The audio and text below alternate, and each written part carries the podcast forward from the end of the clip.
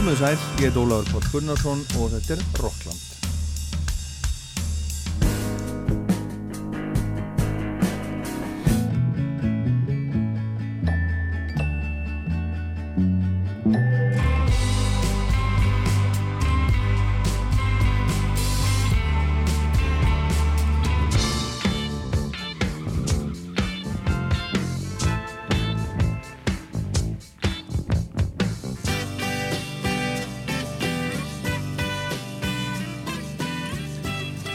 Rocklandi dagsins er Orri Harðarsson fyrirferðarmestur en núna 1. oktober síðastliðin voru liðin heil 30 ár frá því að fyrsta platan hans kom út, platan Drögað heimkomu. Orri var með útgáfu þessara plödu, yngstur Íslandinga, ís, yngsti íslenski tónlistamæðurinn til þess að gefa út soloplödu með, með eigin lögum, frömsöndu lögum og hann var útnefndur nýliði ásins á íslensku tónlistavælunum þegar þau voru afhengt í fyrsta sinn fyrir 30 árum eða sérsagt 1994 Orri hefur síðan sendt frá sér fjóra stóra plötur til viðbótar og hann hefur skrifað skáldsögur sem að hafa vakið aðtegli og hann hefur skrifað aðra bækur líka. Hann hefur spilað með hljómsveitum hann hefur stjórnað upptökum á fjölmörgum plötum og spilað inn á þær og svo framvegis. Orri heimsótti mig í vikunni og við spjöllum saman um heim og geima en fyrst og fremst um þessa fyrstu plötu. Og við heyrum á eftir aðeins af nýju Rolling Stones plötunni sem að koma út á förstu daginn en áður en við heyrum í orra skulum við heyra aðeins í skosku hljómsveitinni Teenage Fan Club sem var að senda frá sér plötu sem heitir Nothing Lasts Forever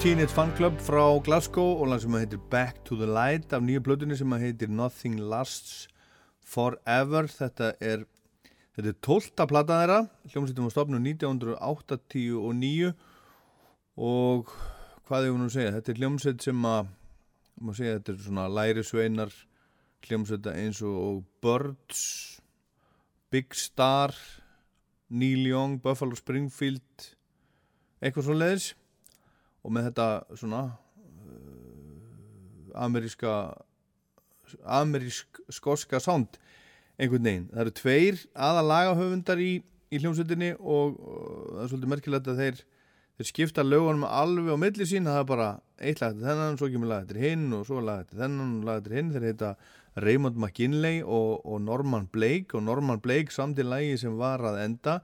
En hinn Raymond McKinley á næsta lag sem heitir Tired of Being Alone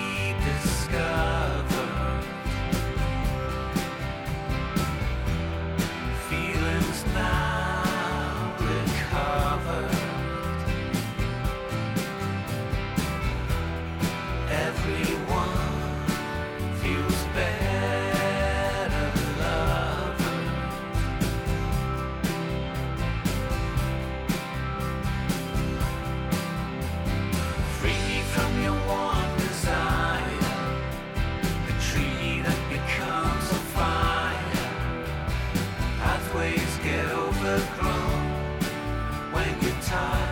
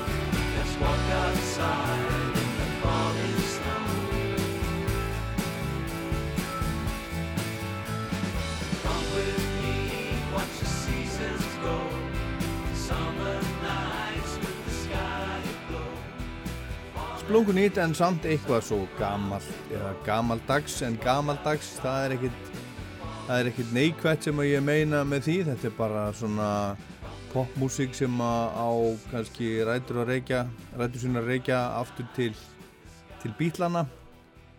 Það voru áhrif frá bítlanum sem að kveiktu í, í Birds og bjóð til, til sándið hjá þeim. Roger McGuinn hann heyrði George Harrison spila á, eða, eða Bílana spila á, á eh, Rickenbacker, tólstrengja Rickenbacker gítar, tók upp svoleiðis og það var enginnismerki hljómsveitarna Birds og hans enginnismerki og síðan hefur þetta bara hafa læri sveinandir drift sér um alla heimsbyðina og þessir, þessi kallar frá Glasgow eru þar á meðal Teenage Fan Club Þú ætlum að heyra eitt lag af nýju plötunni frá þeim til viðbútar, árinu heyrum í Orra Harðar. Uh, þessi plata hefur fengið 8-10 í engun hjá Metacritic eða sagt, 8 af 10 og þetta lag er eftir, eftir Norman Blake sem á, á fyrsta lagi sem við heyrðum þetta heitir I Left a Light On.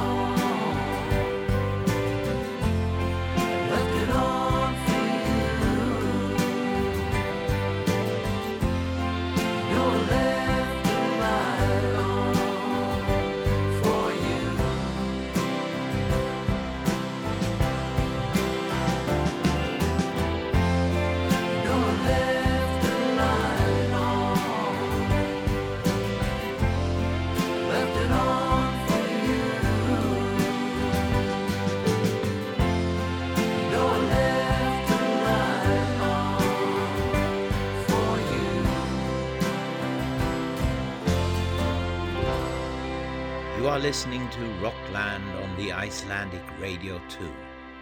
On Olli Palli's show, this is Bjorn Alveus, and I'll send you my best wishes from Stockholm.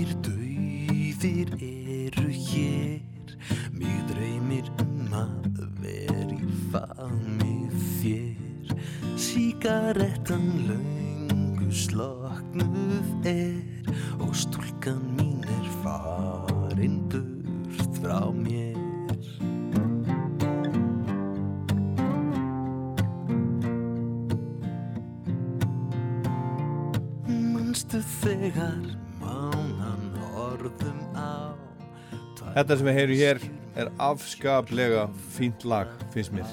Mér eru þótt þetta gott lag sín ég heyrði það fyrst fyrir minnstakosti 30 árum síðan. Þetta heitir Dauðir dagar, þetta er Orri Harðarsson, skagamæður og þetta er setni tíma óútgefin útgáfa af þessu lagi sem er að finna á fyrstu blöðunans, drögað heimkomu en núna 1. oktober síðastliðin voru liðin 30 ár frá því að platan kom út, slett 30 ár Orri var með útgáfa þessara plötu yngstur Íslandinga til að gera sóloplötu með eigin frumsöndum lögum og hann var útnendur nýlið ásins á Íslensku tónlistafölunum þegar þau voru afhendi í fyrsta sinn fyrir 30 árum eða 1994 Orri hefur sendt frá sér fimm stórar plötur í það heila skrifað skáldsögur og aðrar bækur spila með hljómsveitum, stjórna upptökum á fjölmörgum plötum og spila með mörgum og svo framvegis. Orri heimsótti mig í vikunni sem, sem leið heimtí mín á, á Akranes og við spjöllum saman í stofunum minni um heima og geima en fyrst og fremst um þessa fyrstu blötu Og tíminn myndi skilja eftir sár. Fökkföld við kistum spless í einsta sinn. Nú komin er hún aftur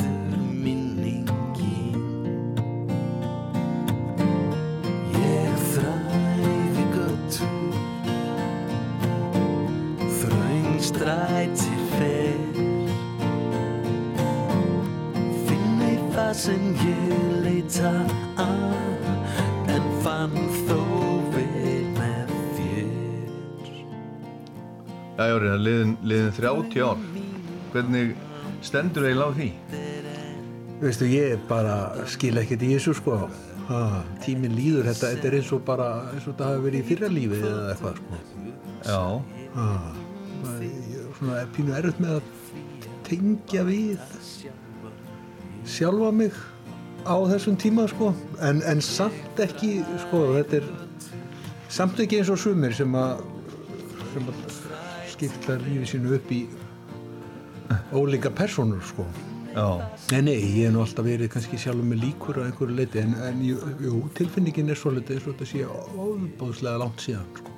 þetta er langt síðan en samt eitthvað svo stutt. Og þannig er einhvern veginn tíminn þannig svo, það er svo langt en samt svo stutt. Já, já, en, en þetta með samt svo stutt er einhvern veginn, já, ég næ að tengja svoleiðis hluti oft. Svo bara þegar dætu mínar kom í heiminn fyrir 10 og 12 árum síðan sko, en, og fleiri, fleiri hluti sko, þú veist, fyrstu bókina sem ég skrifaði fyrir 15 árum og eitthvað svona en, en mér líður eins og þetta sé samt einhvers þar er fynd sko. En, sko uh, þú fjast íslensku tónlistavelunin fyrir þessa, þessa blödu þegar þú voru afhengt í fyrsta skipti eða ekki, það var, það var þetta fyrst 94 Já, fyrir árið 1993 Já, snemma ás 94 Já. var, kom þetta. Þá varstu bjart, bjartasta vonin. Það hét nýliði ásins Nýliði ásins og svo breyttuðu nafninu síðar. Já, já, sami, sami löndurinn Já, já. Og hvernig, hvernig leið, leiði með það ef, ef byrjum bara á því? Ég var rosa stoltur og kannski einhver leitu undrandi. Það hafði að vísu verið velgengni með þessa plötu og hún fekk mikla útvarspilun og það var svona já, það var svona bara allt í kringur landið svona stemning og jákvæðni en, en kannski professionalt og, og, og var þetta plötukrítik og svona þá var það ekkit endilega upp á marga fiska og ég held að þetta sé svo plata af þessum fimm soloplötum sem ég gerði þetta er svo plata sem fekk lagast að dómana ef, mér minni rétt sko. þannig að fá síðan þessa viðurkenningu og svona frá daldið kollega samfélaginu sko, það, það þótti mér rosa væntum og mér leiði svona svolítið eins og menn var að segja bara, menn var að bjóða mig velkomin í, í bransan En það má líta þetta sem eh, einhvers konar met, þú varst fyrstur til þess að hljóta þe- þessi velun hana 1993 eða 4 Já. en þú varst líka, varst líka yngstur íslenskra tónlistamanna sem að hafði gefið út sólarplötu Já, eða sko sólóplötu með engungu eigin efni sko. já, já, Það höfðu nú einhverjir og auðvitað við áttum barnastjórnur og alls konar og Björk var náttúrulega ekki nema 11 ára eða eitthvað en hún átti ekki nema eitt lag á plötunni sko. nei, nei, nei, nei. Já, en, ég, en ég var sko, þetta er allt lög samin fyrir tvítut og, og ég tók hana upp tvítur og varður raunar ekki 21 fyrir tveimur mánuðum eftir hún kom út.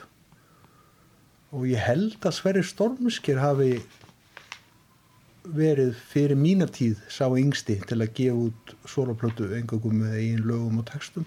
Já, hann var 22 já, já. minnir það rétt. Og var þetta svona markmið í sjálfu sér? Maður vissi af þessu. Ég man að ég fór að tjekka á því bara þegar ég fór að taka upp plötuna.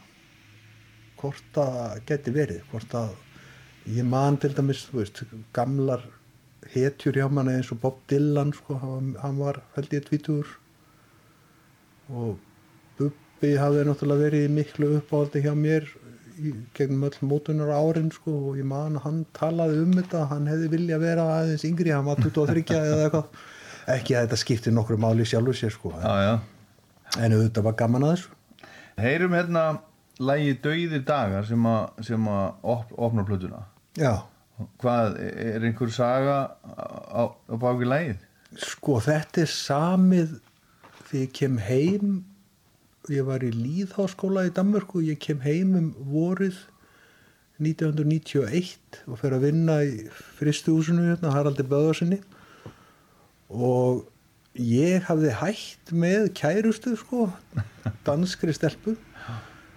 En snýri einhvern veginn öllu á haus þannig að ég gerði þetta lag Dauði dagar, þetta er nú títillin er er hérna sá sami og eitt kapli í bókinni Íslenskur aðall eftir Þórberg sem ég var að lesa mikið á þessum árum.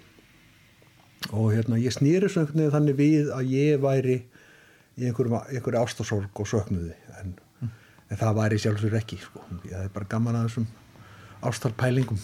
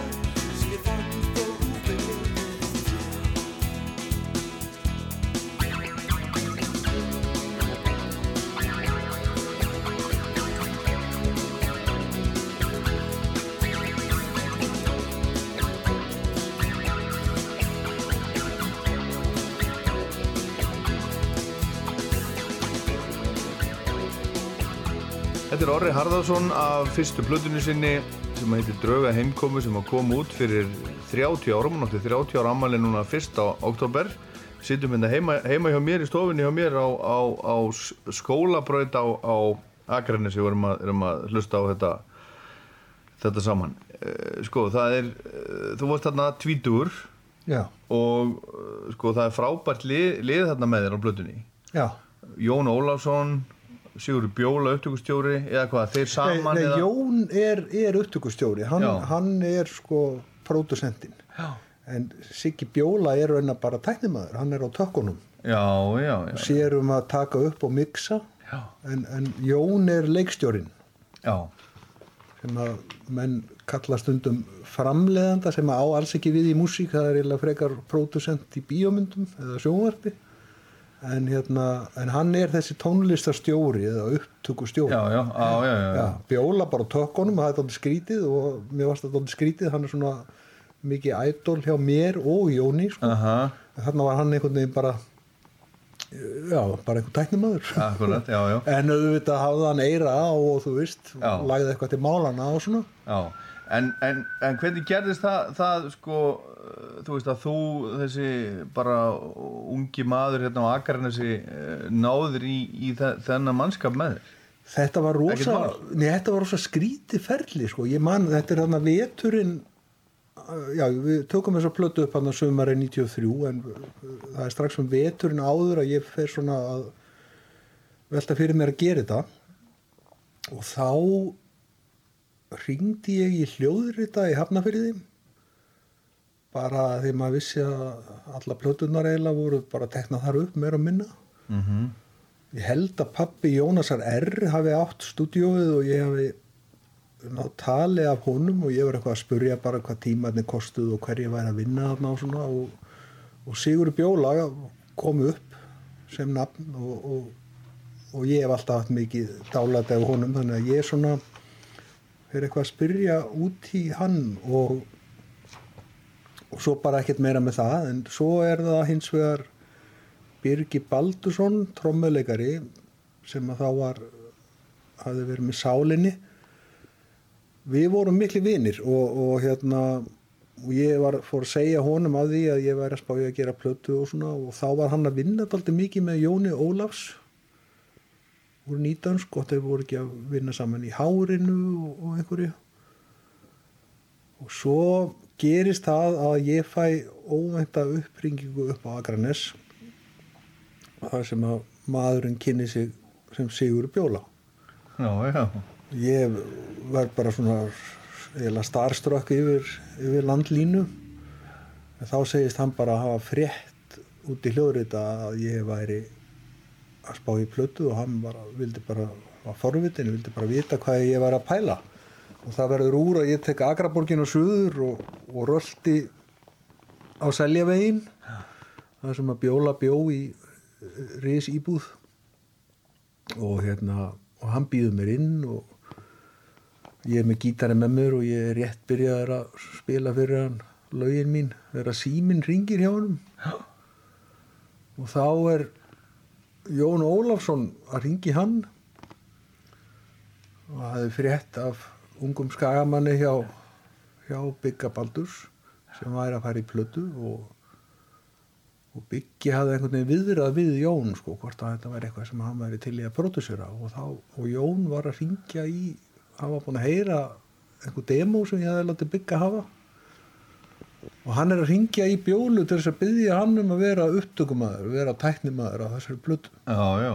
Og þá varstu hjá honum. þá var ég í stofunni hjá Sigga Bjólu Svona, svona gerist þetta. svona gerist þetta Þetta stundum, stundum, Sko. já, já. En, en þú varst ekkert alveg, minna, þú hafi verið þetta ungur, þá, þá varstu búin að vera uh, sko að búa til músík, það, það er ekkert allir sem að spila á gítar sem að fara að semja lög og svona, ég, ég man eftir þér ábyggilega, ég sá þig ábyggilega bara 14 ára á vísnakvöldi í dúshúsi í Reykjavík, já, já, jú, jú, jú, jú það, það stemmir sko. og, og, og þar varstu að spila þín lög já, já, og var byrjaður á því sko, 11-12 ára sko.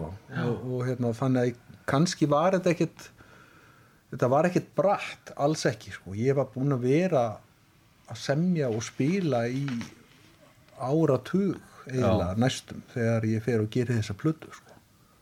Var bæði einn með kassagítarni líka voða mikið bara í hljómsveitum og, svona, og gítarleikar í hinum af þessum svona ný, nýroks sveitum bara sko. eins og hljómsveitir voru þá, bara svona new wave. Já, og, og, og þú varst, ég menna, þú varst líka að því að ég náttúrulega fylgdist með þér þú varst í hljómsveit sem að hétt óþekkt andlit sem að var svona það voru, þið voru, þið voru bara kornungir, þið fóruð í músitilunni eða ekki? Jú, við vorum 14 ára og fórum í músitilunir og, förum þar í úslit Já, og fáum svo alls, Hvaða ár? Það er 87 og, og, og hver vann aftur þá? ég, Það var stuðkompanið Já, Það var svona gle, gleðipops já, já, Já, og hérna, en, en við sko, við vöktum mikla aðtegli og, og, og var búið að spila með hinum og þessum, við vorum á einhverjum tónleikum með svarkvöldum draumi og síkumólunum jafnvel sko, Já. og, og, og fleiri, svona, þetta var nú daldið bylgja þá og svona, já, svo- svona síð, svona fasi 2 rokki reykjaðik eitthvað sko, já, já. Mikil gerjun og, og svo bara hættir þetta band. Og svo eru fleiri bönd og bróði Darvins 89, það er eiginlega sama ferli aftur í úslit á músutölunum og þá í þriðja sæti og svo spila með hinum og þessum og fleiri svona dæmi en, en það er og alltaf flotti dómar hjá átna matt í mokkanum og alls konar, þetta er svona alltaf sami rúndurinn svo bara leysist allt upp áður en að kemur að því að gera plötu. Já, já, já, og ég var undaldið þreyttur á þessu og svo var ég komin inn í svona dæmi út í Danmörku. Hljómsveit? já, 1991 allt á ensku og svona. Já, og þar gerðum við demo og það var sendt inn til allavega Polygram mann ég. Og það kom svar um að já þetta, þetta hljómaði nú vel og svona en þeir, það væri, væri bara svo mörg játn í eldinum.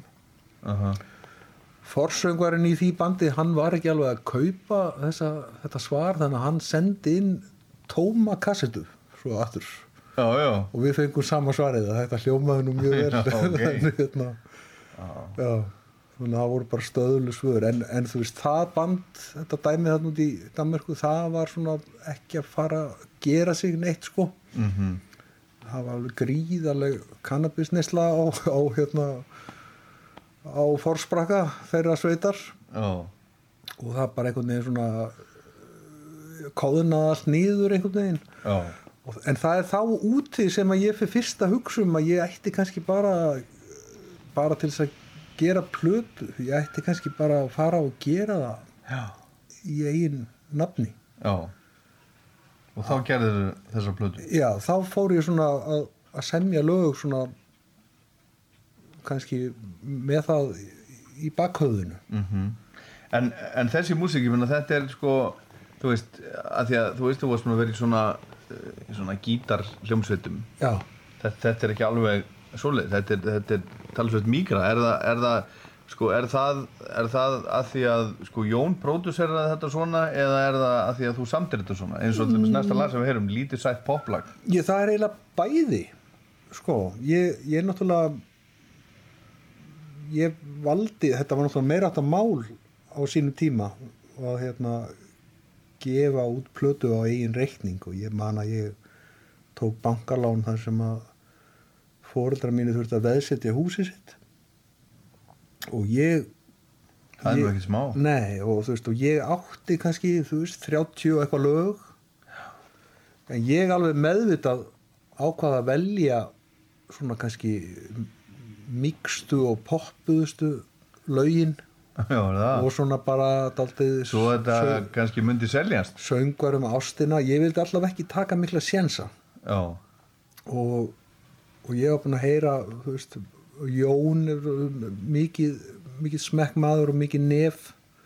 Ég meina hann hefur alveg unnið veist, við gítarrock og allt mögulegt. En, en ég vissi líka að það var ákveðin svona soft hlið sem að hann átti sér og, og ég sjálf þessu líka. Og ég raunar þegar ég sendi honum síðan einhver átján eða nítján lög þá er það mitt poppaðast efni og, og ég gefa nú svolítið undir fótum með það að ég, ég vilji nú bara fara einhvern svona mjúkan meðalveg. Þetta var kvorki svona þetta fingrastöf sem ég hefði stundum fengist við og heldur ekki þetta gamla svona trúpadúr fólk eitthvað sko, heldur eitthvað, eitthvað þar á milli. Og ég man að við Jón höfum til dæmis sammeilina snertiflöt og í svona stöf eins og prífab sprát akkurat. Þannig að það voru alveg svona sameilu uppáhald í þessum mýkri geira sko. Já. en ég man að það voru margir sko að mínum gömlu félugum sko úr, úr nýbylgjunni og svona sem að sem að halvegis fussuði yfir þessu þegar þetta kom út sko. Já, já, já, já. en talandi um, um sko Prífam Sprát, þetta lag hérna lítið sætt popla, er, er þetta ekki svolítið svoleiðis? Jú, þetta er alveg- svona gáfumanna pop Já, svona í, af einfaldar í gerðinni sko. Já. en Patti Makalún hann samti nú alveg svona svona jolly lög sko.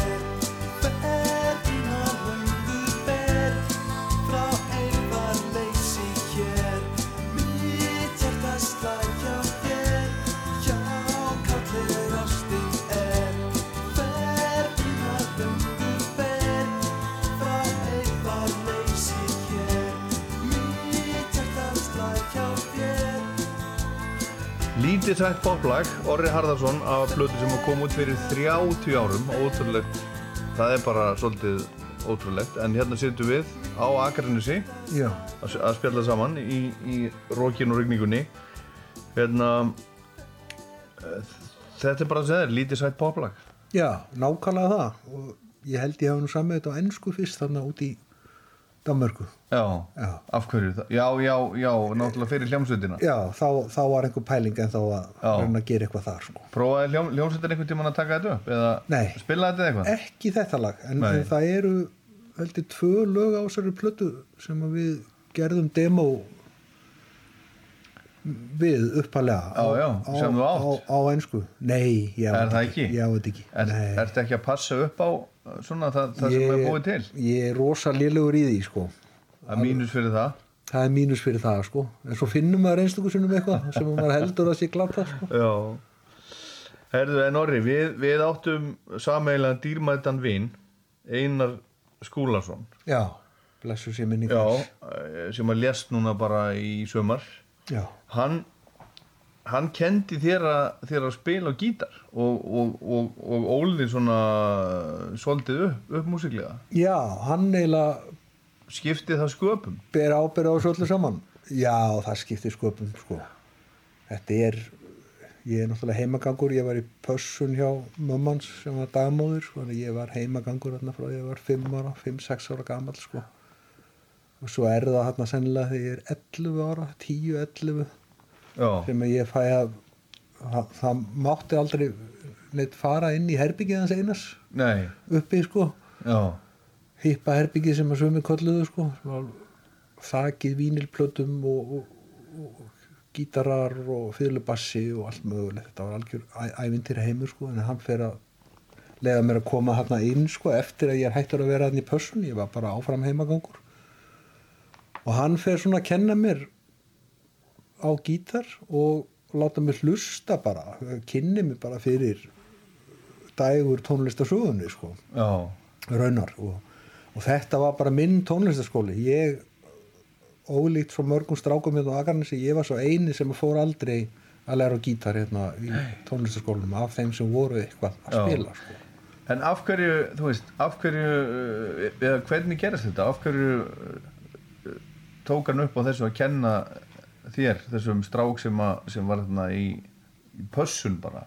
hann, við vorum náttúrulega búin að kynnast það vel að þetta, þetta, þetta var svona nánast kannski eins og svona og ég stundum hugsað um það eftir á sko, að við vorum einhvers konar undarleg blanda af af stjúpbræðrum eða, eða bara eins og hann væri svona hálfgjör auka pappi eða eitthvað sko. við vorum svo nánir og þekktum svo lengi en hann fer ekkert að gera þetta fyrir en ég er búin að vera þarna í þó, þó nokkur ár Já, sko.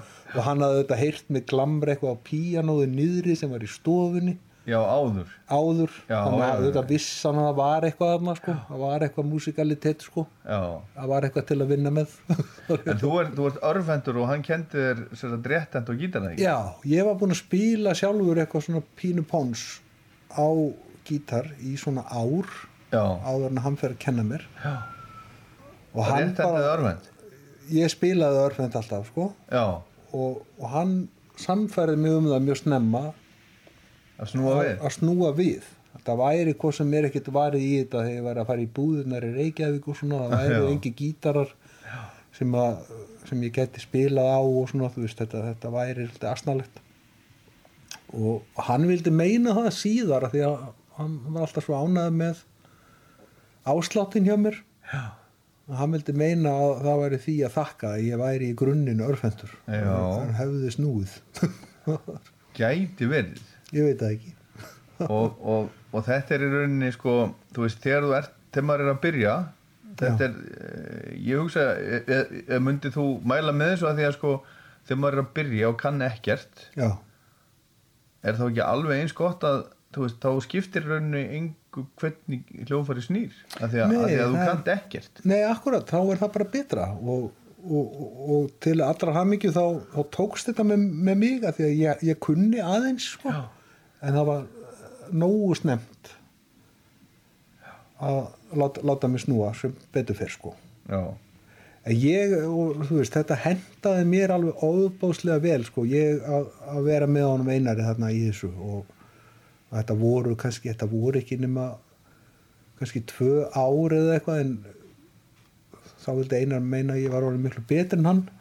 En þá held ég bara áfram að koma og við vorum að hlusta saman á músík og, og bara að spila saman sko. Já. og þetta var óbáslega góðu skóli fyrir mig og einar og þólimóður og djúpur og fyndinn og bara dýnamískur og skemmtilegur. Ég svona hef aldrei fundið minn eitt vel í hinnu hefbundna skólakerfi og mín eina reynsla af tónlistar skóla námi var þegar ég fór sex ára gamall að læra piano hjá eldri konu hérna í tónlistarskólanum. Og hún gerði þau místök að spila alltaf ég átti náttúrulega að spila eftir nótum en hún spilaði alltaf lægið einu sinni á undan fyrir mig. Og ég pikkaði það bara upp eftir eiranu svo var það ekki fyrir en þegar veturinn var að verða búinn þá tók ég eitthvað ill eftir í eitt skiptið. Og þá fattaði hún ég hafði aldrei hort á blaðið. Já, og hún varð svo ösku þreifandi reið. Skammaði mig svo mikið að ég fór að skæla. Já, og gekk út og héti að koma aldrei aftur. Og það stóð ég við nokkurn veginn sko, minnir að það hefði verið svona mjög mjög síðbúðin innri fögnuður þegar ég kom mörgum árum síðar að spila undir á stygsprófi hjá vinkonum minni sem var að læra á klarinett og þá kom ég og spilaði undir á píano og það, það var svona það, það, það var svona gott moment fyrir, fyrir mitt hjarta fyrir, fyrir þessa gömlu, já. gömlu væringar Þú, þú bara, já, þú ert, þú ert í þessu, þú, uh, þú komst, komst til eina og sann að las ég einhver, einhver staðar á föstu dögum alltaf. já, var bara þegar hann var búinn að vinna á föstu dögum Já, þá mætt, kom- mætti þú ég til hans þá kom ég til hans og hann meiri segja hérna, átti það til einstöku sunnum að bregða sér aðeins frá og þá sett hann mér eitthvað fyrir sko og þá var hann að fara í ríkið sko hún, hún fannst mjög fyndið og gaman að segja frá þessu eftir á Já, já. Hérna, þetta voru alveg, þetta voru alveg himneskar stundir hjá okkur sko.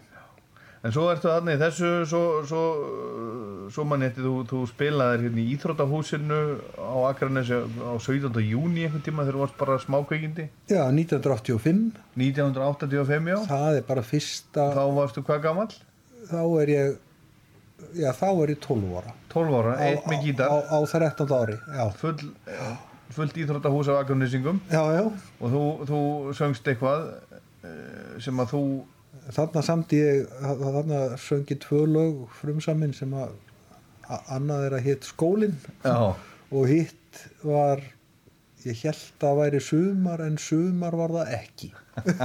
Það var eitthvað svona megasa stæling já, já, já, já, já. Já, þú varst í þessu, þú varst að hlusta á Bob Dylan og Megas og Bubba og Já. eitthvað svona Já. en svo, svo gerir þessa plötu og, og, og, og mannskapurinn þú veist, var þetta bara eðlilegt ég meina þú ert með náttúrulega Jón Ólafs og Sigga Bjólu og svo Biggi Baldus náttúrulega eitt besti trommar í landsins Já, og hann var með honum í sálinni Stefán Hjörleifsson Steppi Hjöl, það var náttúrulega Jón bara sem hóaði hann Já, já. Mig, mig hefði langað að fá Þorsten Magnússon gítarsnilling og, og skagamann. En, en það var einhvern veginn hann var ekki alveg í standi hann var ekki alveg tilkipilegur á, á þeim tíma en þetta endaði svo allt með því að ég var líka eitthvað að spá í Edda Lár mann ég. En svo endaði bara með því voru, voru heimatökin að Jón fekk steppa til að spila þann, þann ramaskítar sem var á plötunni. Já, ég vildi sjálfur ekki gera það sko, ég man að Jón spurði mig hvort að ég, akkur spilar ekki sjálfur ég var bara einhvern veginn þetta var fyrsta plata mín mér fannst alveg nóg að ég var að fara að syngja heila plötu í stúdíói sko, ég hef aldrei litið á mig sem söngvara. Þannig að ég vildi svona sem minnst þú veist, einhver lög hafði ég samið á píanó og Jón alltaf að hvetja mig líka til að spila það sjálfur. Mhm. en ég vildi það ekki, ég vildi bara leggja hlutina sem mest í hendur já, fagmannana sem voru vanir vissalega hvað þeir voru að gera. Mhm. en ég spilaði all, allan, allan kassagítar. Já. Og svo eru þær hérna vinkonu þínar Anna Halldórsdóttir og, og Valgerður Jónsdóttir. Já, það er syngja, sérstaklega syngu, syngu valgjörur dálítið Já. mikið með mér og eiginlega bara dúett í tveimur lögum. Mhm. það er náttúrulega skagastelpur Anna var búin að vera með mér í bróðu Darvins mm Valgerður hafi verið í hljónstinni Fríman sem að endaði öðru sætt á músitölunum og hún var orðin kærasta mín þarna þannig að við vorum svona dálítið músikalspar kannski á þessum tíma. Já, já. og það gaman syngur hún ekki í með þér í læginu okkar lag? Jú, hún syngur með mér bæði okkar lag og Hammyggjusum og ný. Já, og það eru hvortvekja lög frá þessum Danmörku tíma. Já. voru til á ennsku mikil dramatík. Heyrum okkar lag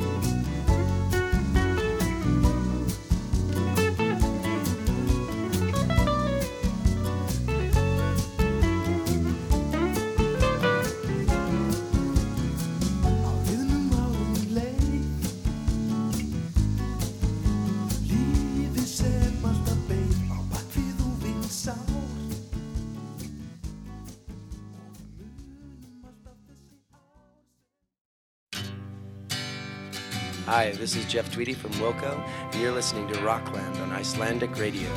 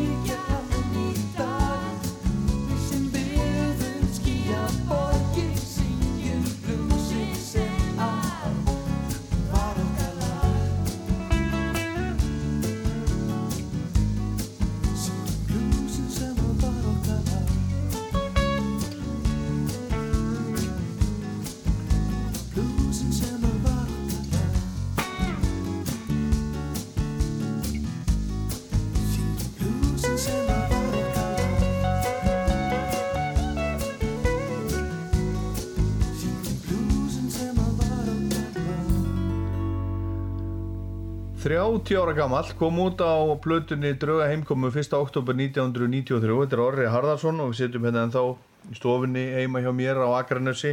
Hann býr hérna ofar, ofar í bænum. Um, það er svolítið svona uh, soundið á þessar plötu svolítið kannski svona badd síns tíma. Eða hvað finnst þér um, um það, og, og, og svolítið svona, svona, svona nýdönsk sko svona frum nýdönsk svolítið svipa mér Já, er það? Já, það getur þú, verið. þú kannski heyrir það ekki Nei, já, jú, ég veit alveg, sko, þetta er, þetta er pínu svona, maður getur alveg sagt hvenær þetta var gerst, já, sko. já, já, já, jú, jú. ég er að, ég er að Já, já. meina, meina það sko. Já, já, en ég held að það sé ekkit endilega... og maður tengir þetta við Jón Ólafsson Já, á þeim tíma. Já, og ég meina Siggi Bjóla, hann var náttúrulega að, mikið að vinna með nýtönsk líka, hann Já, já. er, þú veist, jú, jú, og þannig að þetta, jú, jú. þetta er svona, svona Íslands 90s Þetta er Sound. þetta er íslenskt early 90s Já. sound. Hefði, leitt þetta skildi ekki fara á vínil, ég er rétt mista því, sko. Ég- aldrei og seint Það var, það núna, var, það var okkur, dott, upp okkur er þetta ekki komin á, á vínil í dag Gerir, gerir það kannski bara eftir áratug. já, eða bara, eða bara setna, setna á þessu ári sko, þetta er svona þetta lag, okkar lag, þetta er svona, svona jazz pop Já, pínu, Hvað, hvaðan, eh, hvaðan kemur þetta? sko, með minni nú að ég held að Bjarni Jónsson fyrirvændi söngvari TikTok og síðar leikrita skáld hann er stóri bróðurinn á Valgerðar Já. Minnir að hann hafi hitt naglan á höfuði sko, sagði við mig þetta þegar við vorum að lega honum að heyra þetta. Hérna, ah, þetta er svona þö þö Já, og já. það náttúrulega held ég að við staðið heima. Ég hlustaði mikið á Matt Johnson sko Já. og þetta er kannski svesi pín í Alveg, ættu ættu alveg svona rétt, lög jú. eins og Beaten Generation á Mindbomb og svoleiðis. En ég er mitt sko þetta er sko grunnhugmyndin af þessu lægi er elst af öllu þessu Já, Þann, það nær alveg aftur til þess að ég var í bróðu Darvins þá var, var einhvern tíma ramaslust hérna á Akranessi og þá kom þessi hljómagangur sem síðar varð okkar lag. Já, já, já. 1990 sennilega.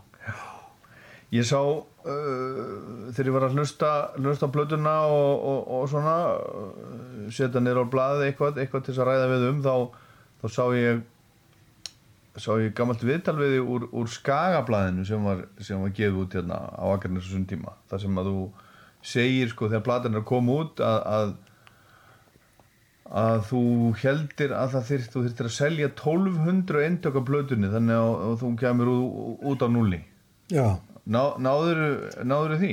sko ekki samkvæmt loka uppgjörum þetta, þetta var allt rosa skrítið það var ekki tölvukerfi þetta var allt, þetta var allt handfært bara Já. bókaldi hjá Japis sem var dreifingar aðali Já. og svo víðri og svo var maður að selja eitthvað sjálfur og þetta endaði nú í smá tapi.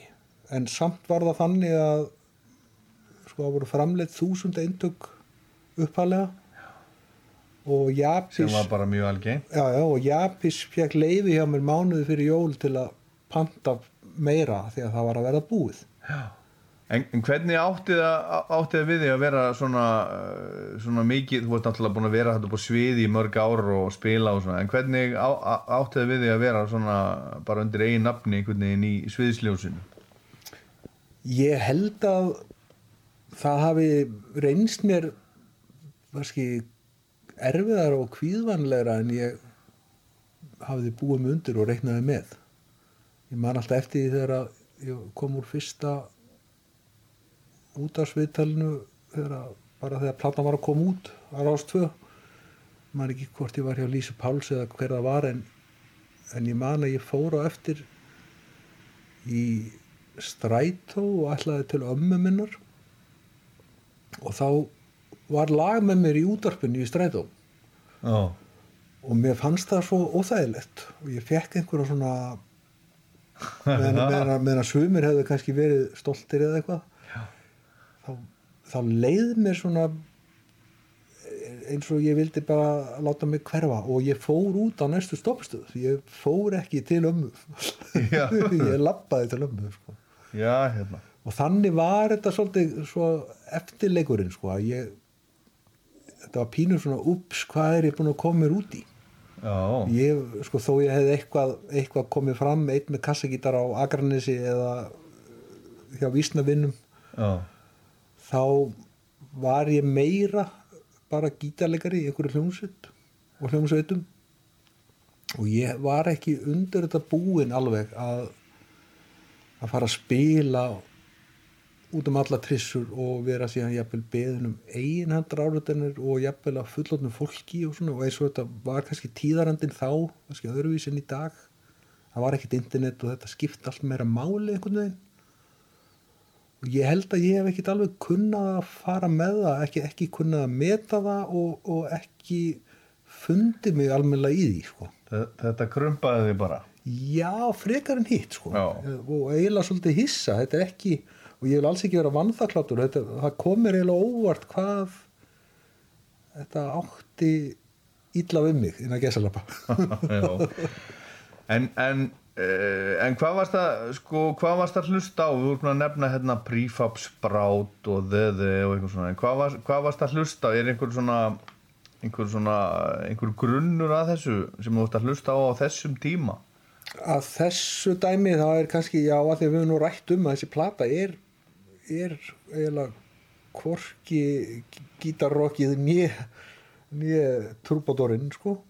Þá það er kannski helst að maður já Lloyd Cole var ég dálítið mikið að hlusta á. Já, og hans svona solo stöff í aðdraðanda þessara plötu sko. Já. Þetta er svona það, þeir, þeir sko að því að Rás 2 og 40 ára ammali þá voru, voru þættir með, með Skúla Helga og Snorra Má. Þeir, þeir voru með svona smá revival í sömur þetta er svolítið, þetta er svolítið þaðan. Já, já, já, já.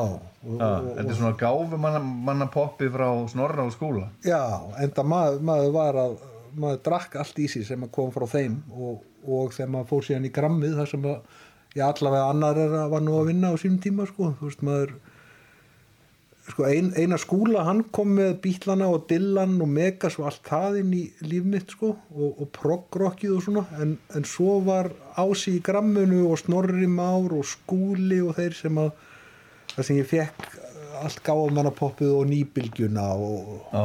punkrockið og það sko. Svo kemur þessi mjúka plata bara. Já, heyrum hérna hamingjusum og ný og þar eru þið, eru kærustu parið já, þá, ég, syngja saman við valgerur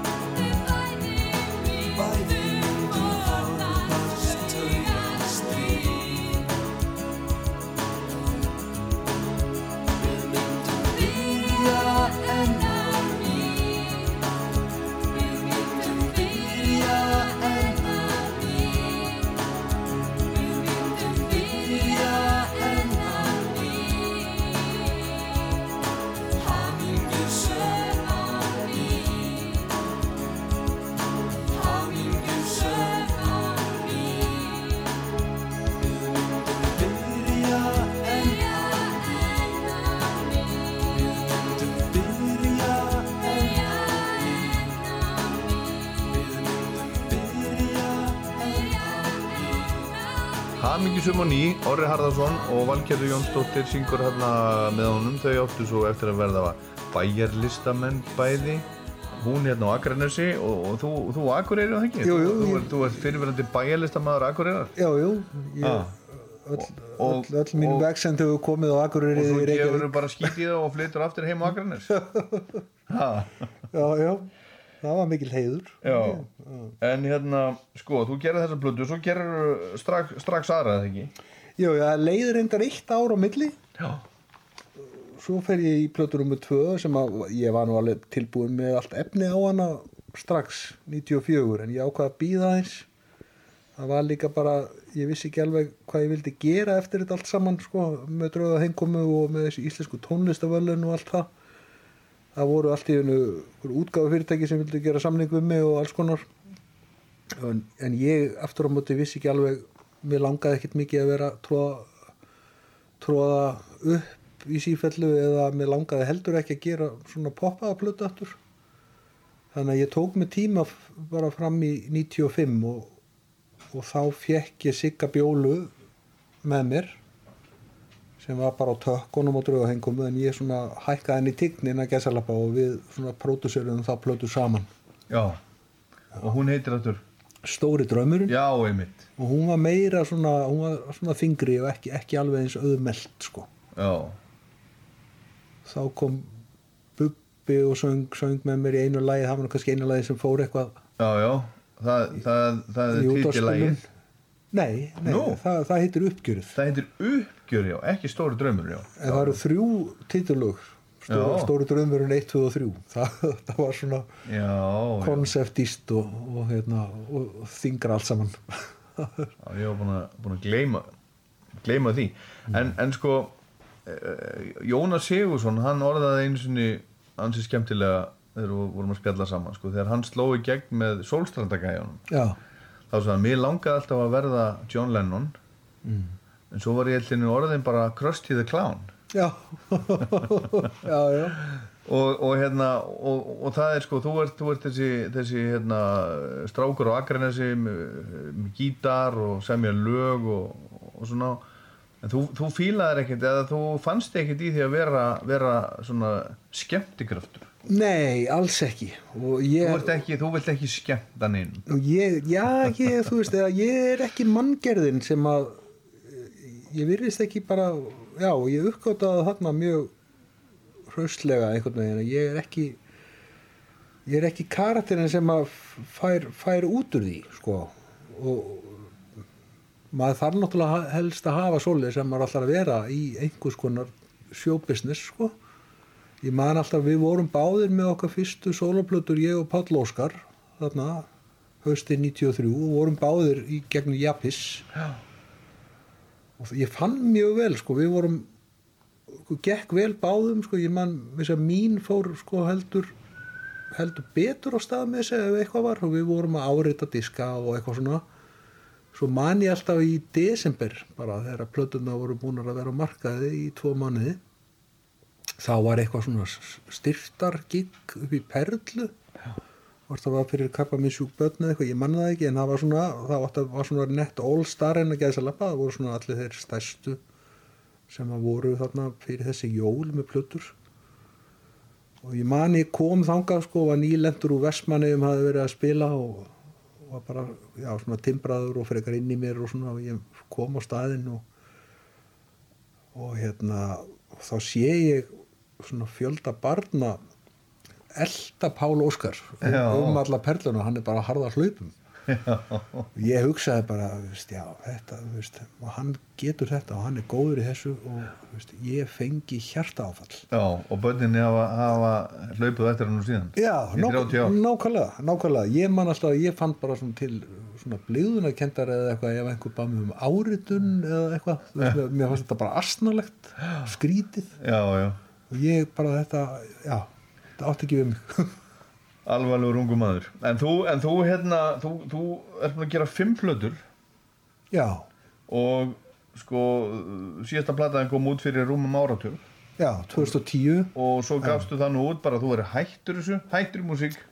Já, kannski ekki hættur í músík sko, en, en svona þessu Sa- sa- sagði ég það? Já, hættur þessu, hættur í músík En, og, og, síðan eh, þá fórst að skrifa skáldsögur og er búin að skrifa tvær skáldsögur og svo er þýtt bækur og eitthvað svona. Já, já, ég, var búin að gefa, skrifa, gefa út eina bók hann áður en að síðasta plantan kom Já, sko. já, já, einmitt. En já, já, en ég, hæ, ég held ég hef nú aldrei sagt að ég væri hættur í músík sko, en, en ég hef er að- örglega nokkur sem sagt að ég væri hættur að gera plötur sko. En þá myndi ég svona eigin soloplötur að vera eitthvað með eigin feril í gangi sem söngvaskáld. En ég er náttúrulega alltaf í gerum tíðina og búin að vera að vinna að annara manna plötum sko já, sem upptökustjóri og, og spila og útsetja og hljóðblanda og allt mögulegt sko. Já. þannig að þessar fimm plötur sem ég hef gefið út í eigin nafni eru bara lítið lítið brot af því sem ég hef verið að gera í músík jú, jú í gegnum tíðina sko. En, en sko, eh, er það ekki rétt hjá mér að þú átt mjög auðvelt með að setja saman lög? Jú, jú það er En- þannig og kannski er það mitt þráhyggju eðli sko að, að, hérna, að ég kann ekki ekki við það að sinna því nema ég sé vissum að, að ég hafi tíma og að það liggi fyrir að, og ég sé búin að ákveða að ég ætla að gera plötu þá, þá opna ég fyrir þennan kanal sko. og þá bara kemur það sem verða vill og Já, þá þarf ég síðan að fara að vinna þetta og annað sem er mjög tímafrekt.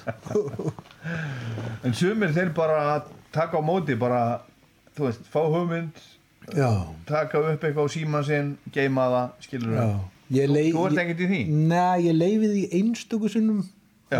að, gerast. Lögin koma til mín bara það, það kemur eitthvað svona áreiti í hver, á hverjum degi ef ég er í göngutúr eða bara vasku upp heima Skil eða, ekki? dýra elda. Það er einstöku sinnum en svona ef, ef það er eitthvað sem ég þykir væntum við það sko Já. bara eins og núna um daginn þá var ég að býða eftir dæturum mínum að vara elda í eldhúsinu það er voru, að- voru að koma að norðan daginn eftir og það var, kom svona einhver já, svona tilhlökkun og soknuður upp í hugan og þá fór ég fram í stofu og, og, og varðveitti inn á, inn á svona síma upptöku bara ein, eina, eina mínútu af einhverju píanostefi sko. En ég geri þetta nánast aldrei. Ég myndi gera þetta alla dagar ég, ég, ég, ég ekki dýr ég segi bara svo Maggi Eiríks sko, ef það er eitthvað var í þetta þá mann maður þetta bara síðar sko. Já, en sömur segja sko líka að, að þegar hugmyndin kemur ef þú tekur henni ekki, þá fer hún bara í, í einhvern annan. Já, það er alltaf tómi villisa Nei, nei, nei, ég held að, held þetta sé svona. Ég ætla að trúa því að þetta sé svona. En, en hvað, sko uh, hvað er þetta bralla núna? núna er ég bara að klára hljóðblöndun á, á plötu fyrir, fyrir austfiskan listamann. Já, og svo hérna það er alltaf svona eitt, eitt og annað svona smá, smá föndur. Ég er svona, já, maðurinn baku tjöldin. Ég, ég, ég er ofta að lesa yfir handrit og hljóblanda ég er vel mastera. Já.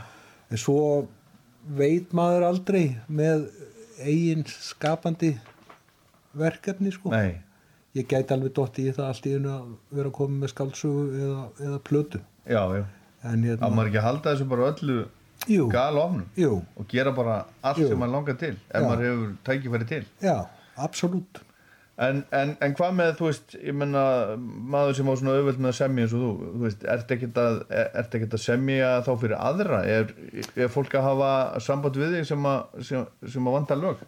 það hefur alveg komið fyrir sko þá hef ég gert það. Og það er ekkert mál. Þannig að hérna einhver, einhver tíman, eða þú veist, það verður ekkert allt að öllu samt, eða þú veist. Nei, einhver tíman var ég beðin um að semja fyrir plötu sem að hún Jóhanna Guðrún ætlaði að gera.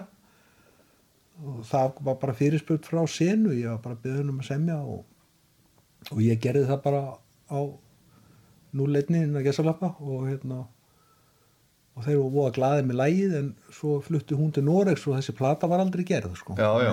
en jú, jú, ég, ég þannig að þú átt er lag sem þú samdir fyrir já, já, fer það kannski bara í Eurovision?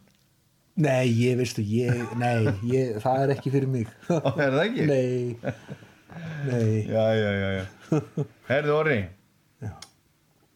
síðasta lagið sem við erum, titillagið, Drauga heimkomu. já, svona, mér þykir, mér þykir mjög vænt um þetta lag. Þetta er Já. svona ak Akranes lag nummer eitt og ég veit að, að mörgum akurlýsingum þykir mjög vænt um þetta lag. Þetta, þetta er mér kærast líka á þessari blödu mér finnst þetta langbæsta lagið.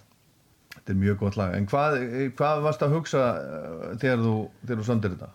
þarna var ég bara já, ég bjóð þarna með forsprakka hljómsveitarinnar út í Danmörku, út í Árósum í Danmörku og mér var alveg hægt að lítast á blíkuna þetta virtist alltaf að rennu allt út í sandin hann var ekki líklegur til þess að fara vaða neitt áfram með mér í þessu og ég var svona komið með netta heimþrá og svona frónt frá sagt sko, við byggum hérna svo kallu Tróibó hverfi í Árásum. Tói, Tróibó, Tróiborg Tóiborg fyrir hérna sem er svona í hæð svona og svona fyrir ofan það er svona þetta er á svona bökkum fyrir ofan hafnasvæðið og ég man að ég fór eitthvað kvöld með sixpakka bjór röldi þarna niður á bakkan og horfði yfir höfnina. Og eimskip var við bryggju eitt af skipum eim, eimskipa. Og þá kemur þessi hending einhvern veginn og mér dreymir fjallið þó að ekki sé það hátt dreymir hafið speil slett og blátt dreymir fólkið þótt heldur sé það fátt og hugsa einatt heim. Þetta var eitthvað sem kom þarna og, og svo var það lægið til skömmu síðar og hvort ég hafði ekki gælt við að líka þess að ég hafði frétt að því að það var 50 ára köpstaðaramali minni mig sama árið eða árið eftir eða eitthvað svona. Þannig að þetta var bara svona óður til skagans og ég var að hugsa um fjöruna sem ég let mér alltaf í sem krakki fór alla daga í Kalmansvík. Ég held að vinnu heitið hafi verið kvöld í Kalmansvík. Takk fyrir spjall Takk fyrir mig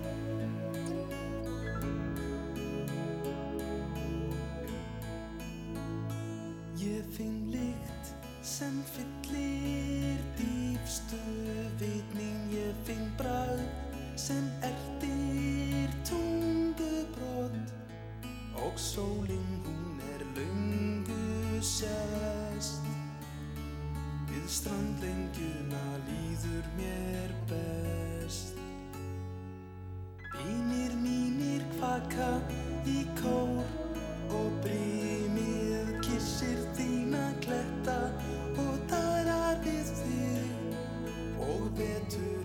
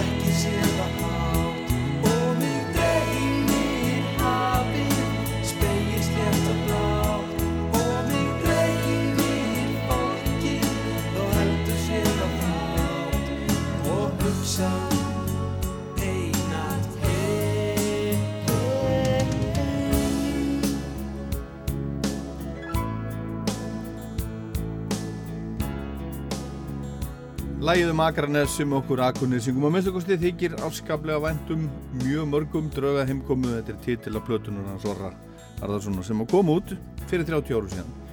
1. oktober 1993 og Orri var hérna að tala um þá sem að voru með honum á plötunni upptökustjóran Jón Ólafsson og, og upptökumannin Sigur Bjólu Siggi Bjóla var auðvitað frum stuðmaður, líkilmaður á fyrstu stuðmannarplötunum og lengi framan af og líka í spilverki þjóðana auðvitað.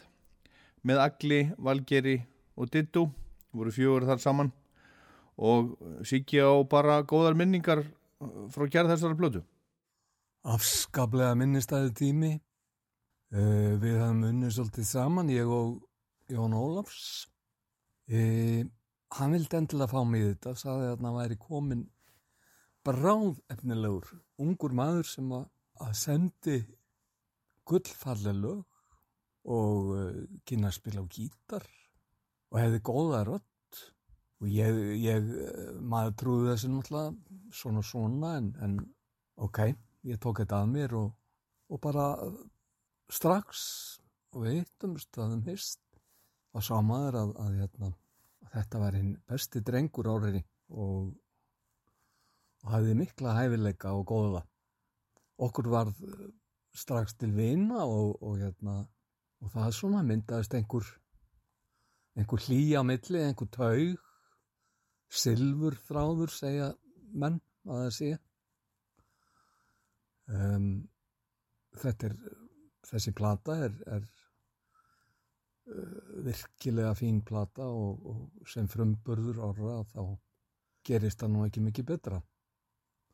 Síðan hefur orri alltaf verið mér hugleikin og, og hérna við höfum verið vinir. Kannski ekki tala mikið saman en, en samt. Maður veit af stráknum hann upp á skaga og hann er gætna hann að mynda sólalagið með dæturum sínum tveim Já, það er ófallegt sólanlægið á Akranesi, þetta var Sigurður Bjóla.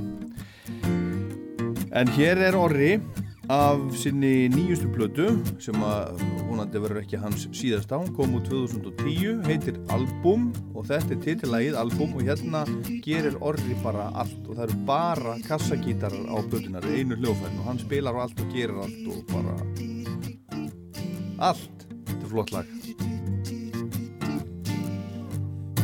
Það var ljúft, þetta loft, andun og oft, andrúm. Afslappað og soft, það var djús, dýnamík, stemning engu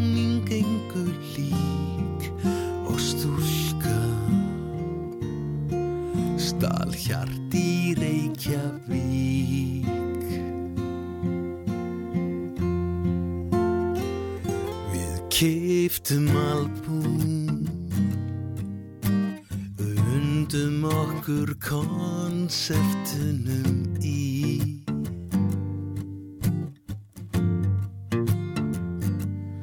Áttum albúm Hliðræn rispuð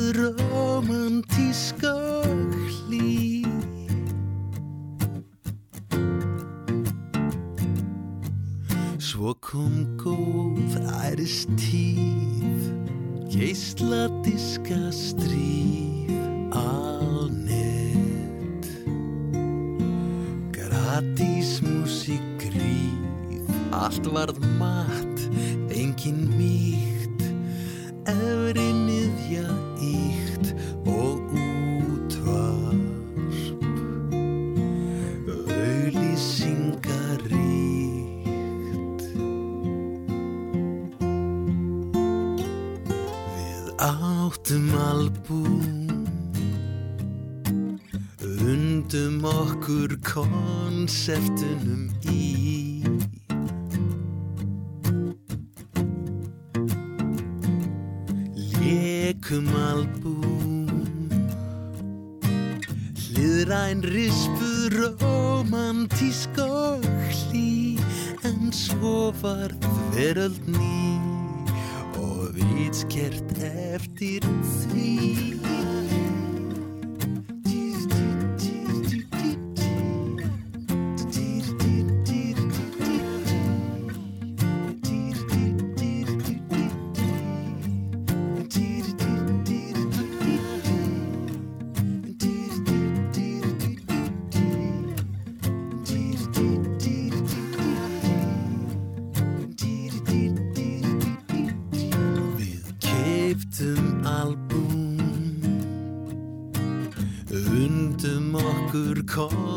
konseptunum í.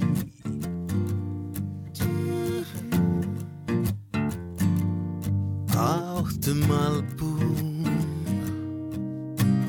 Hliðræn rispuð romantísk og hlý En svo varð veröld ný og ástin fyrir bí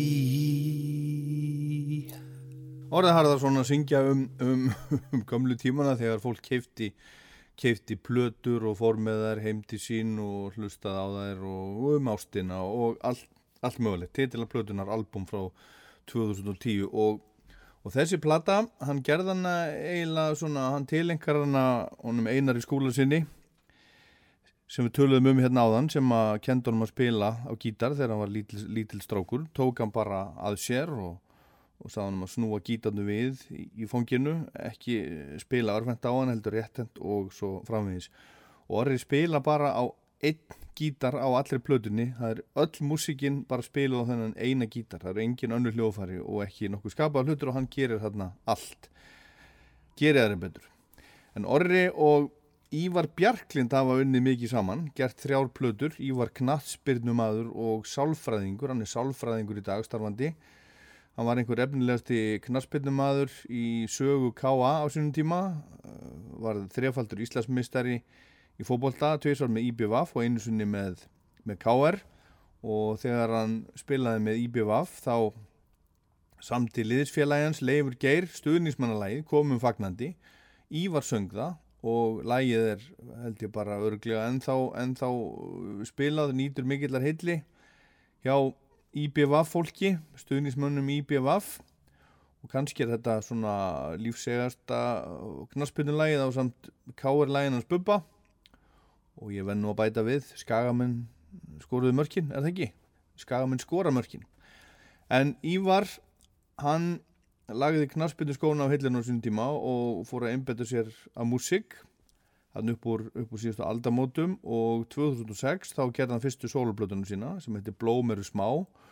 Og uh, þriðja soloplatan kom út núna á þessu ári heitir Þú sem ljóslega hvergi ert og, og orri er með honum allt í öllu á þessari, þessari plötu. Hann, hann spilar á flestu öll hljófæri og tekur upp og mixar og gerir allt og það heyrist alveg að, að sándið hans orra er á þessari plötu. Skulum heyra aðeins í Ívari og svo eitt lag af plötunni.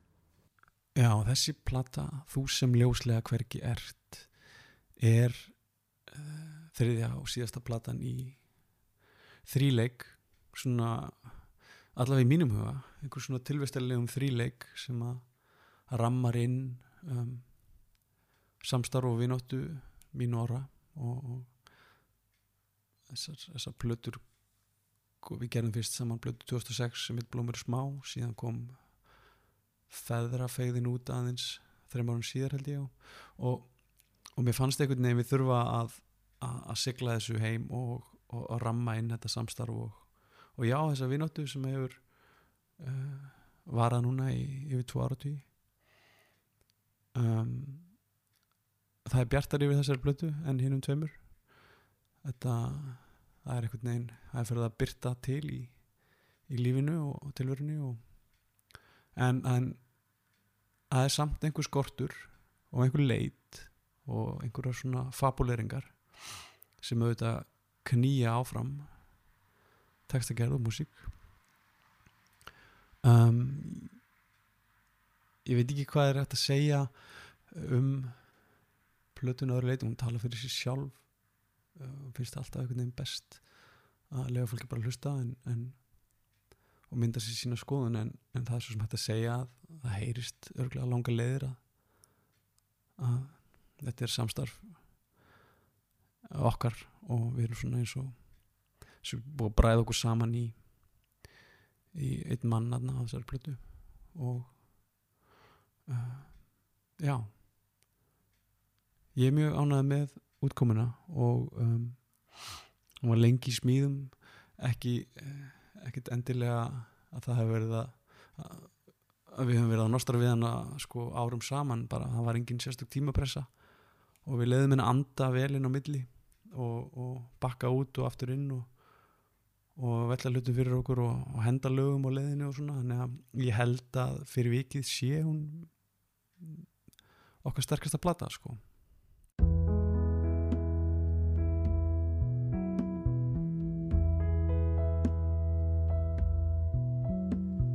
Ég tefst eitthvað smá.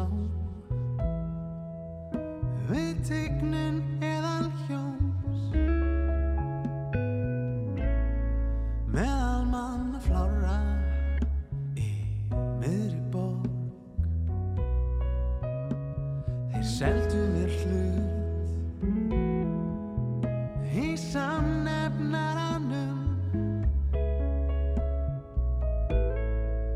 langsamlega lægsta. Og ég losna ekki út. Ég sé teik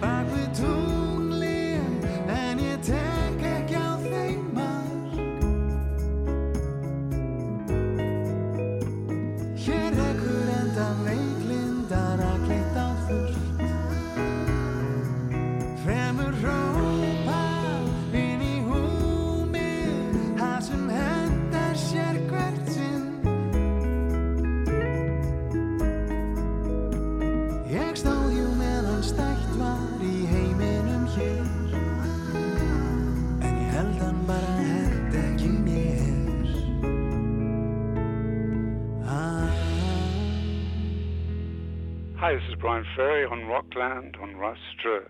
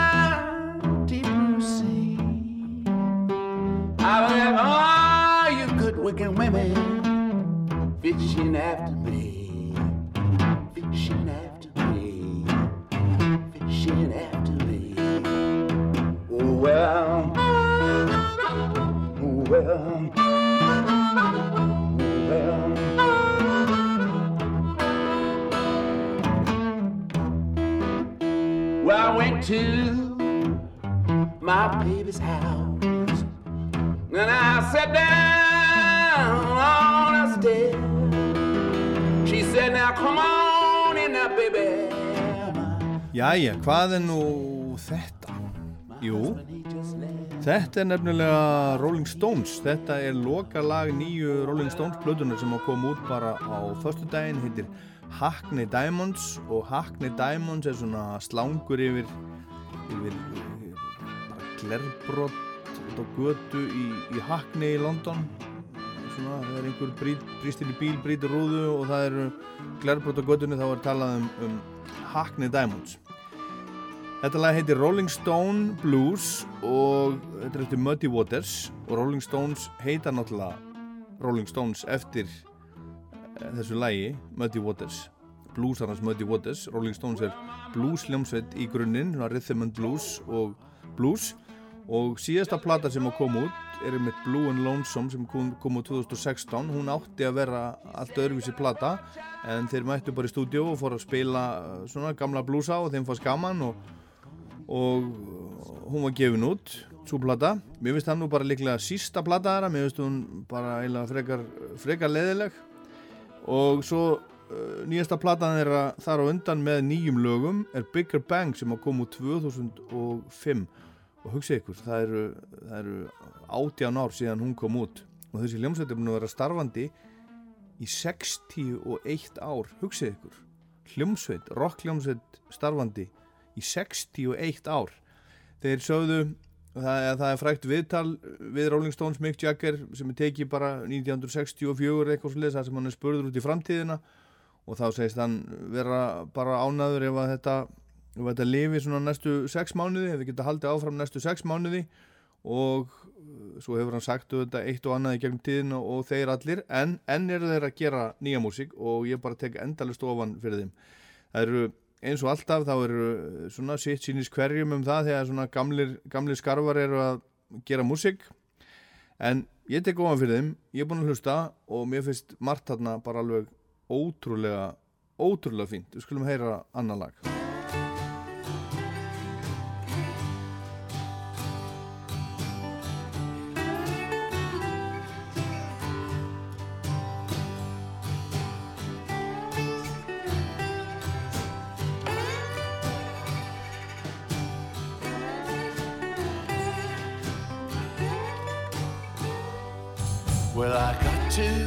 take a break from it all. Cause the wind and the wilderness call. And I just need some peace from the storms. I got to take a break from it all. And I got to take a break for a while. Where there ain't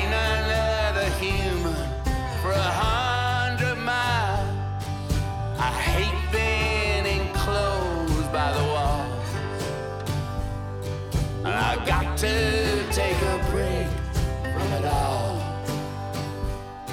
I'll be dancing on diamonds. I'll be skating on glass. I'll be chopping up wood. I'll be splitting the hair. An old damn radio is all that I've got. It just plays Hank Williams I got to take a break from it all.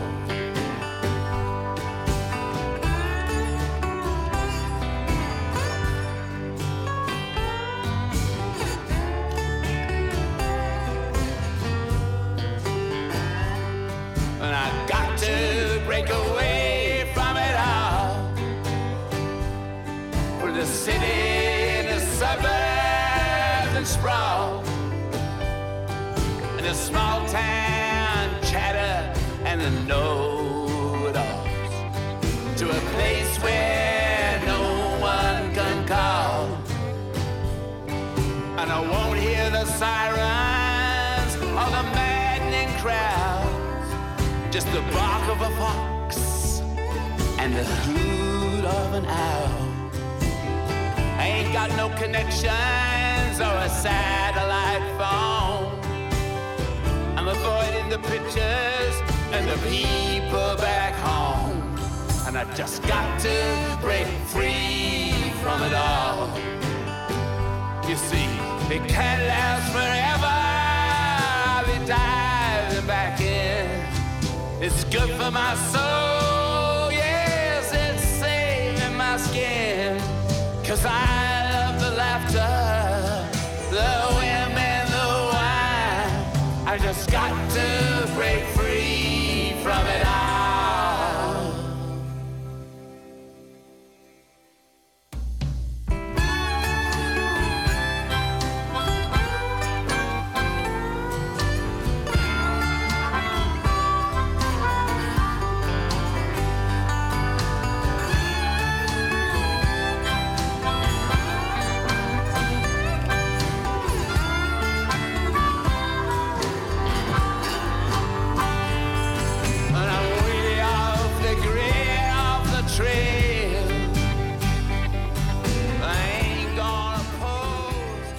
Þetta lag af Hackney Diamonds nýju stónsplötunni heitir Dreamy Skies.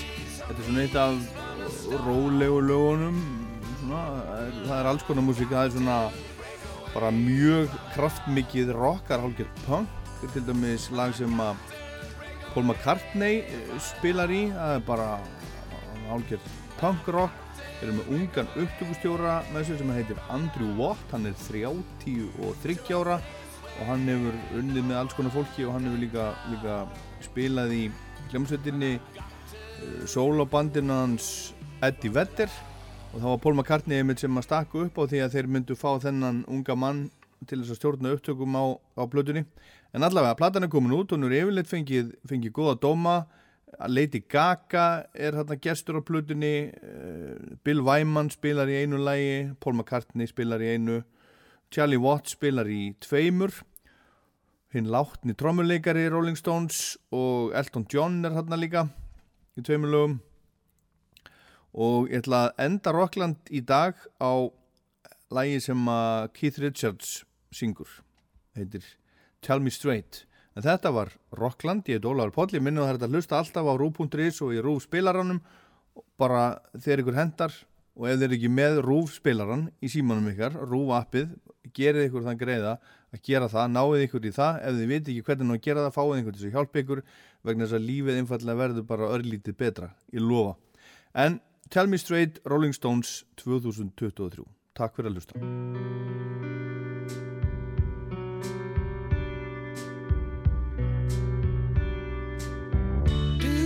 have something Just tell me straight. You got me high, and it's quite a long fall. Tell me straight.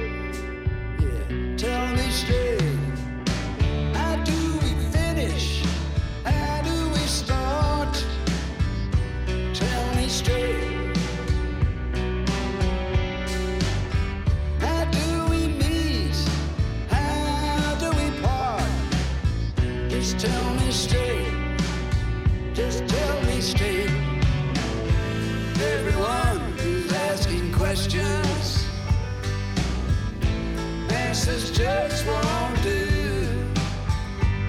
Yeah, I need a little time just to clear my mind.